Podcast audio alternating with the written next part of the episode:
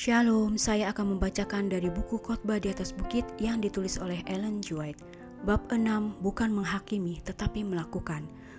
Pembahasannya dalam buku Matius 7 ayat 3. Mengapakah engkau melihat selumbar di mata saudaramu? Bahkan kalimat engkau yang menghakimi orang lain melakukan hal-hal yang sama, tidak menyadari besar dosanya sementara mengkritik dan menghakimi saudaranya – Yesus mengatakan, "Mengapakah engkau melihat selumbar di mata saudaramu, sedangkan balok di dalam matamu tidak engkau ketahui?" Kata-katanya melukiskan seseorang yang cepat melihat cacat di dalam diri orang lain. Apabila dia pikir dia telah menemukan cacat dalam tabiat atau kehidupan dia, sangat bersemangat untuk menunjukkannya. Tetapi Yesus menyatakan bahwa ciri tabiat yang dikembangkan dalam melakukan pekerjaan yang tidak sesuai dengan kehendak Kristus ini dibandingkan dengan kesalahan yang dikritik itu adalah bagaikan sebuah balok dengan sebutir debu. Itu merupakan kekurangan seseorang sendiri akan roh kesabaran dan kasih yang memimpin dia untuk membuat sebuah dunia dari sebutir atom. Orang-orang yang tidak pernah mengalami kesedihan yang mendalam dari penyerahan seutuhnya kepada Kristus dalam kehidupan mereka tidak menyatakan pengaruh kasih juru selamat yang melembutkan itu. Mereka salah menggambarkan roh Injil yang lemah lembut dan sopan santun itu dan melukai jiwa-jiwa berharga. Untuk siapa Kristus mati? Menurut gambaran yang digunakan juru selamat kita, orang yang memanjakan roh suka memeriksa adalah dosa yang lebih besar daripada dosa orang yang dia tuduh. Karena dia bukan saja melakukan dosa yang sama, tetapi juga menambahkan ke dalamnya kecongkakan, dan sifat suka memeriksa orang lain. Kristuslah satu-satunya standar tabiat yang benar, dan orang yang membuat dirinya sebagai standar bagi orang lain adalah membuat dirinya di tempat kudus. Dan karena Bapa telah menyerahkan penghakiman itu seluruhnya kepada anak, Yohanes 5 ayat 22. Barang siapa yang mencoba menghakimi motif orang-orang lain, sekali lagi ia merampas hak istimewa dari anak Allah itu menghakimi dan mengkritik menempatkan diri mereka di samping antikristus, lawan yang meninggikan diri di atas segala yang disebut atau yang disembah sebagai Allah. Bahkan ia duduk di bait Allah dan mau menyatakan diri sebagai Allah. 2 Tesalonika 2 ayat 4 Dosa yang membawa kepada akibat-akibat yang paling tidak membahagikan ialah roh yang dingin, mengkritik dan tidak mau mengampuni yang menunjukkan ciri tabiat orang Farisi Apabila pengalaman agama hampa tanpa kasih, Yesus tidak ada di situ. Terang matahari kehadirannya tidak ada di situ. Tidak ada kegiatan yang sibuk atau kegiatan tanpa Kristus yang dapat melengkapi kekurangan. Mungkin ada ketajaman melihat yang luar biasa untuk menemukan cacat orang-orang lain. Tetapi kepada setiap orang yang memanjakan roh ini, Yesus berkata, Hai orang munafik, keluarkanlah dulu balok dari matamu, maka engkau akan melihat dengan jelas untuk mengeluarkan selumbar itu dari mata saudaramu. Orang yang bersalah adalah orang yang pertama-tama mencurigai kesalahan. Dengan menghakimi orang lain, dia berupaya untuk menyembunyikan atau memaafkan kejahatan hatinya sendiri. Melalui dosalah manusia memperoleh pengetahuan kejahatan. Baru saja pasangan suami istri pertama itu berdosa, mereka mulai menyalahkan satu dengan yang lain dan sifat manusia inilah yang akan dilakukan apabila tidak dikendalikan oleh kasih karunia Kristus. Bagi orang-orang memanjakan roh yang mempersalahkan ini, mereka tidak akan puas tanpa menunjuk apa yang mereka anggap suatu cacat di dalam diri saudara mereka. Jika cara yang lebih enteng tidak berhasil membuatnya melakukan apa yang mereka pikir harus dilakukan, mereka akan mengambil jalan paksaan. Selama mereka berkuasa, mereka akan memaksakan orang-orang untuk menuruti pendapat mereka tentang apa yang benar. Inilah yang dilakukan orang-orang Yahudi pada zaman Kristus dan apa yang telah dilakukan gereja. Kapan saja gereja telah kehilangan kasih karunia Kristus. Setelah menemukan dirinya miskin dalam kuasa kasih, gereja itu menjangkau tangan yang kuat dari negara untuk memaksakan dogmanya dan melaksanakan perintahnya Di sinilah rahasia segala hukum agama yang pernah dibuat dan rahasia dari segala penganiayaan sejak zaman Habel hingga zaman kita. Kristus tidak mengusir tetapi menarik manusia kepadanya. Penarikan satu-satunya yang dia gunakan adalah dorongan kasih. Apabila gereja mulai berupaya mencari dukungan kuasa duniawi, sudah nyata bahwa ia tidak memiliki kuasa Kristus dorongan kasih ilahi. Tetapi kesukaran terdapat pada anggota-anggota perseorangan gereja itu, dan di sinilah penyembuhan itu harus diadakan. Yesus meminta penuduh itu pertama-tama mengeluarkan balok dari matanya sendiri, membuang sifatnya yang suka memeriksa orang lain, mengakui dan meninggalkan dosanya sendiri, sebelum berupaya memperbaiki orang-orang lain. Karena tidak ada pohon yang baik yang menghasilkan buah yang tidak baik, dan juga tidak ada pohon yang tidak baik yang menghasilkan buah yang baik. Lukas 6 ayat 43 Roh mempersalahkan yang engkau manjakan adalah buah kejahatan dan menunjukkan bahwa pohon itu adalah kejahatan. Tidak berguna bagimu membangun dirimu dalam kebenaran diri. Apa yang engkau perlukan adalah suatu perubahan hati. Engkau harus memperoleh pengalaman ini sebelum engkau layak memperbaiki orang-orang lain, karena yang diucapkan mulut meluap dari hati. Matius 12 ayat 34 Apabila suatu krisis datang dalam kehidupan seseorang dan engkau berupaya untuk memberikan nasihat, kata-katamu akan hanya mempunyai bobot pengaruh untuk kebaikan yang telah diperoleh teladan dan rohmu sendiri bagimu. Engkau harus baik sebelum engkau dapat melakukan kebaikan. Engkau tidak dapat menggunakan suatu pengaruh yang akan mengubah orang-orang lain sebelum hatimu sendiri telah direndahkan dimurnikan dan dilembutkan oleh kasih karunia Kristus. Apabila perubahan ini telah diadakan di dalam dirimu, akan menjadi suatu kebiasaan bagimu untuk memberkati orang-orang lain, bagaikan serumpun bunga mawar yang memberikan bunganya yang wangi, atau tanaman anggur yang memberikan tandan-tandan buahnya yang merah lembayung. Jika Kristus ada dalam dirimu, pengharapan kemuliaan itu, engkau tidak akan bersikap mengamati orang-orang lain, untuk memaparkan kesalahan-kesalahan mereka. Ganti berupaya untuk menuduh atau menyalahkan. Yang menjadi tujuanmu adalah untuk menolong, untuk memberkati, dan untuk menyelamatkan. Dalam memperlakukan orang-orang yang bersalah, engkau akan memperhatikan perintah, menjaga dirimu sendiri, supaya kamu juga jangan kena pencobaan. Galatia 6 ayat 1 Akan engkau ingat bahwa sering kali engkau bersalah, dan betapa sukarnya mencari jalan yang benar apabila engkau telah pernah meninggalkannya. Engkau tidak akan mendorong saudaramu ke dalam kegelapan yang lebih besar, tetapi dengan hati yang penuh belas kasihan, engkau akan memberitahukan kepadanya tentang bahayanya. Orang yang sering memandang ke salib Golgota mengingat bahwa dosa-dosanya lah yang menempatkan juru selamat itu di sana tidak akan berupaya untuk menaksir derajat kesalahannya dibandingkan dengan kesalahan-kesalahan orang lain.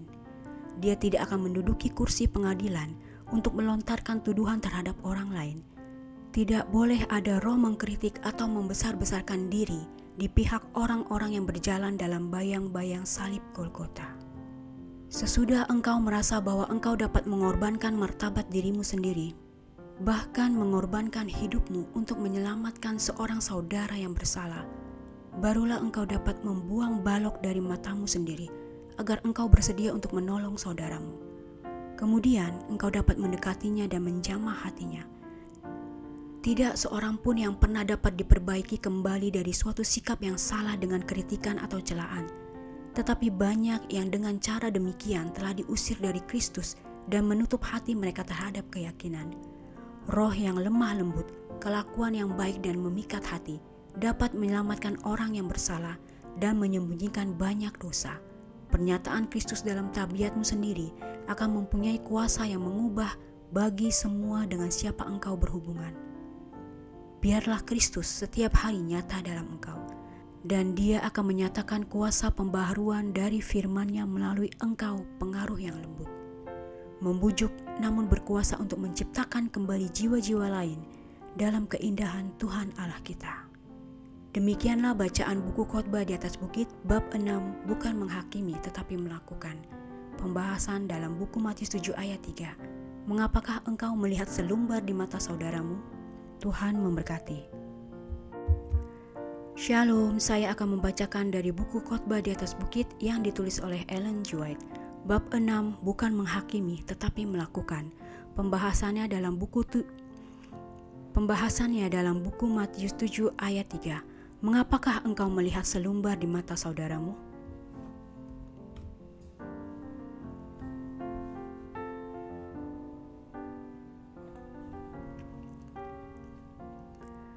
Bahkan kalimat engkau yang menghakimi orang lain melakukan hal-hal yang sama, tidak menyadari bet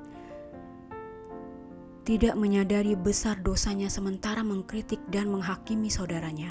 Yesus mengatakan, "Mengapakah engkau melihat selumbar di mata saudaramu, sedangkan balok di dalam matamu tidak engkau ketahui?" Kata-katanya melukiskan seseorang yang cepat melihat cacat di dalam diri orang lain.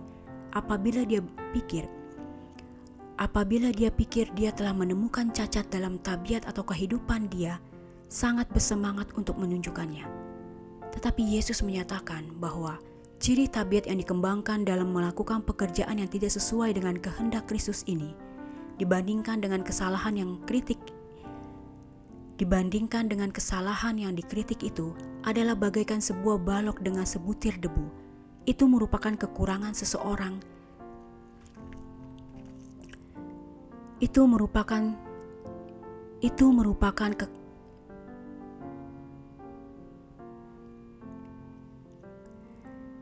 itu merupakan kekurangan seseorang sendiri akan roh kesabaran dan kasih yang memimpin dia untuk membuat sebuah dunia dari sebutir atom. Orang-orang yang tidak pernah mengalami kesedihan yang mendalam dari penyerahan seutuhnya kepada Kristus dalam kehidupan mereka tidak menyatakan pengaruh kasih. dalam kehidupan mereka tidak menyatakan pengaruh kasih juru selamat yang melembutkan itu. Mereka salah menggambarkan roh Injil yang lemah lembut dan sopan santun itu dan melukai jiwa-jiwa berharga. Untuk siapa Kristus mati? Untuk siapa Kristus mati?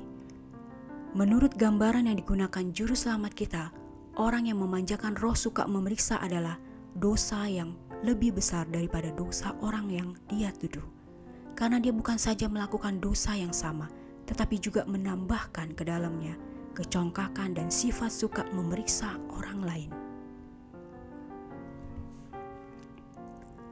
Kristuslah satu-satunya standar tabiat yang benar, dan orang yang membuat dirinya sebagai standar bagi orang lain adalah membuat dirinya di tempat kudus. Dan karena Bapa telah menyerahkan penghakiman itu seluruhnya kepada Anak, Yohanes 5 ayat 22. Barang siapa yang mencoba menghakimi motif orang-orang lain, sekali lagi ia merampas hak istimewa dari anak Allah itu. Menghakimi dan mengkritik menempatkan diri mereka di samping anti-Kristus, lawan yang meninggikan diri di atas segala yang disebut atau yang disembah sebagai Allah. Bahkan ia duduk di bait Allah dan mau menyatakan diri sebagai Allah. 2 Tesalonika 2 ayat 4 Dosa yang membawa kepada akibat-akibat yang paling tidak membahagikan ialah roh yang dingin, mengkritik dan tidak mau mengampuni yang menunjukkan ciri tabiat orang Farisi. Apabila pengalaman agama hampa tanpa kasih, Yesus tidak ada di situ. Terang matahari kehadirannya tidak ada di situ. Tidak ada kegiatan yang sibuk atau kegiatan tanpa Kristus yang dapat melengkapi kekurangan. Mungkin ada ketajaman melihat yang luar biasa untuk menemukan cacat orang-orang lain. Tetapi kepada setiap orang yang memanjakan roh ini, Yesus berkata, "Hai orang munafik, keluarlah dulu. Keluarkanlah dulu balok Keluarkanlah dulu balok dari matamu, maka engkau akan melihat dengan jelas untuk mengeluarkan selumbar itu dari mata saudaramu. Orang yang bersalah adalah orang yang pertama-tama mencurigai kesalahan. Dengan menghakimi orang lain, dia berupaya untuk menyembunyikan atau memaafkan kejahatan hatinya sendiri. Melalui dosalah manusia memperoleh pengetahuan kejahatan. Baru saja pasangan suami istri pertama itu berdosa, mereka mulai menyalahkan satu dengan yang lain. Dan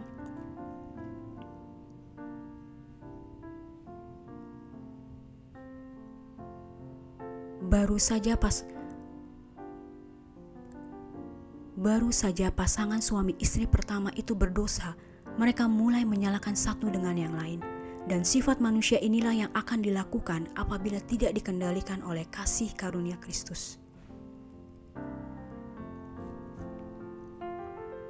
Bagi o, Bagi orang-orang memanjakan roh yang mempersalahkan ini, mereka tidak akan puas tanpa menunjuk mereka tidak akan puas tanpa menunjuk apa yang mereka anggap suatu cacat di dalam diri saudara mereka. Jika cara yang lebih enteng tidak berhasil membuatnya melakukan apa yang mereka pikir harus dilakukan. Jika cara yang lebih enteng tidak berhasil membuatnya melakukan apa yang mereka pikir harus dilakukan, mereka akan mengambil jalan paksaan. Selama mereka berkuasa, mereka akan memaksakan orang-orang untuk menuruti pendapat mereka tentang apa yang benar. Inilah yang dilakukan orang-orang Yahudi pada zaman Kristus dan apa yang telah dilakukan gereja kapan saja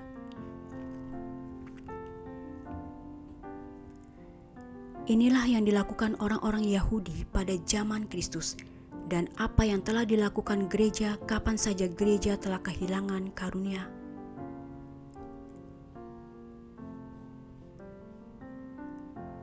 Inilah yang dilakukan oleh Inilah yang dilakukan orang-orang Yahudi pada zaman Kristus, dan apa yang telah dilakukan gereja Inilah yang dilakukan orang-orang Yahudi pada zaman Kristus dan apa yang telah dilakukan gereja. Kapan saja gereja telah kehilangan kasih karunia Kristus. Setelah menemukan dirinya miskin dalam kuasa kasih, gereja itu menjangkau tangan yang kuat dari negara untuk memaksakan dogmanya dan melaksanakan perintahnya. Di sinilah rahasia segala hukum agama yang pernah dibuat dan rahasia dari segala penganiayaan sejak zaman Habel hingga zaman kita. Kristus tidak mengusir tetapi menarik manusia kepadanya. Penarikan satu-satunya yang dia gunakan adalah dorongan kasih. Apabila gereja mulai berupaya mencari dukungan kuasa duniawi, sudah nyata bahwa ia tidak memiliki kuasa Kristus dorongan kasih ilahi. Tetapi sukir tetapi kesukaran terdapat pada anggota-anggota perseorangan gereja itu, dan di sinilah penyembuhan itu harus diadakan. Yesus meminta penuduh itu pertama-tama mengeluarkan balok dari matanya sendiri, membuang sifatnya yang suka memeriksa orang lain, mengakui dan meninggalkan dosanya sendiri, sebelum berupaya memperbaiki orang-orang lain. Karena tidak ada pohon yang baik yang menghasilkan buah yang tidak baik, dan juga tidak ada pohon yang tidak baik yang menghasilkan buah yang baik. Lukas 6 ayat 43 Roh mempersalahkan yang engkau manjakan adalah buah kejahatan dan menunjukkan bahwa pohon itu adalah kejahatan. Tidak berguna bagimu membangun dirimu dalam kebenaran diri. Apa yang engkau perlukan adalah suatu perubahan hati. Engkau harus memperoleh pengalaman ini sebelum engkau layak memperbaiki orang-orang lain, karena yang diucapkan mulut meluap dari hati. Matius 12 ayat 34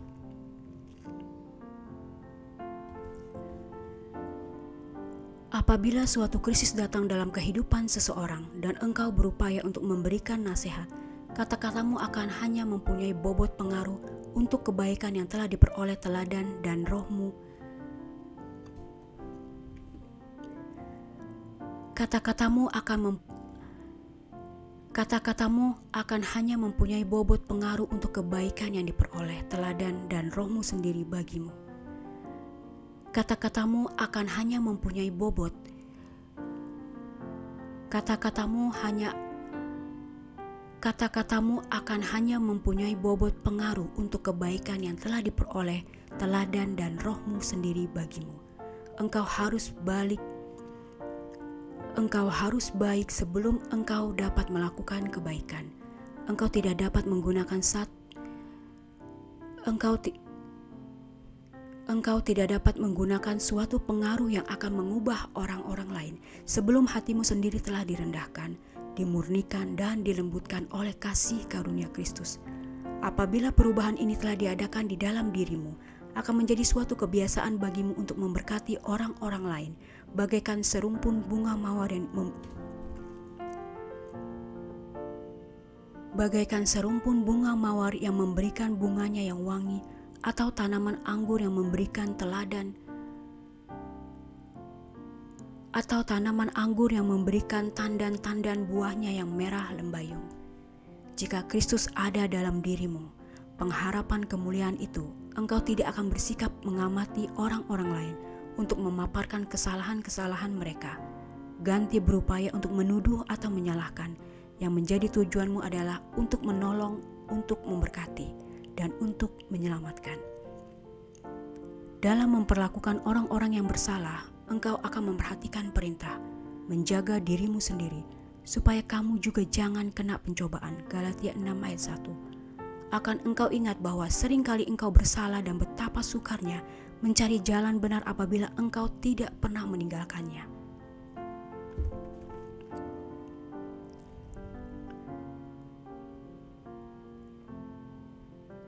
Akan engkau ingat bahwa sering kali engkau bersalah dan betapa sukarnya mencari jalan yang benar apabila engkau telah pernah meninggalkannya.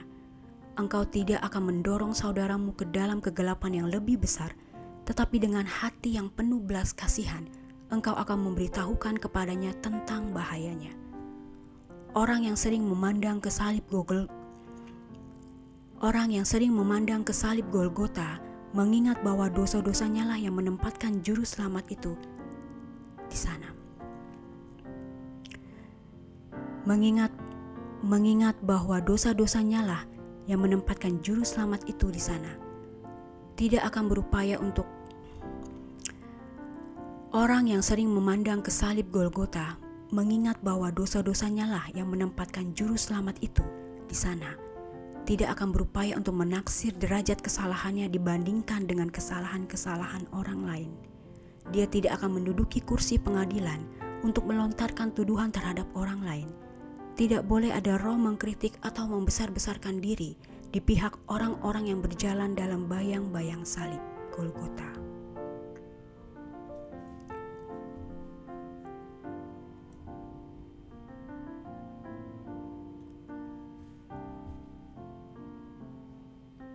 Tidak boleh ada roh mengkritik atau membesar-besarkan diri di pihak orang-orang yang berjalan dalam bayang-bayang salib Golgota.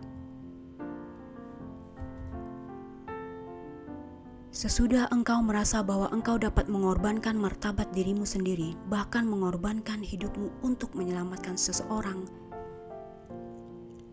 bahkan mengorbankan hidupmu untuk menyelamatkan seorang saudara yang bersalah, barulah engkau dapat membuang balok dari matamu sendiri, agar engkau bersedia untuk menolong saudaramu.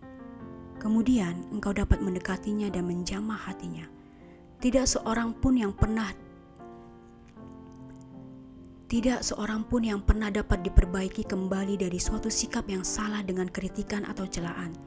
Tetapi banyak yang dengan cara demikian telah diusir dari Kristus dan menutup hati mereka terhadap keyakinan.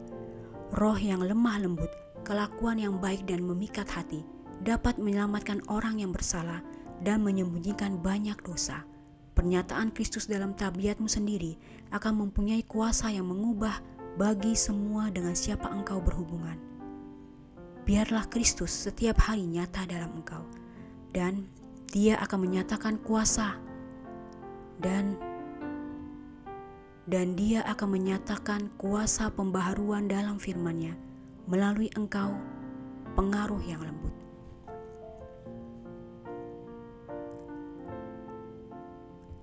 Dan dia akan menyatakan kuasa pembaharuan dari firman-Nya melalui engkau pengaruh yang lembut. Membujuk namun berkuasa untuk menciptakan kembali jiwa-jiwa lain dalam keindahan Tuhan Allah kita.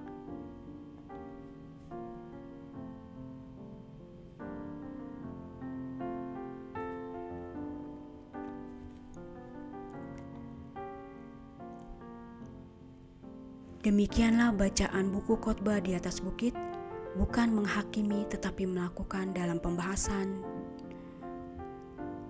Demikianlah bacaan buku khotbah di atas bukit bab 6 bukan menghakimi tetapi melakukan. Pembahasan dalam buku Matius 7 ayat 3. Mengapakah engkau melihat selumbar di mata saudaramu? Tuhan memberkati.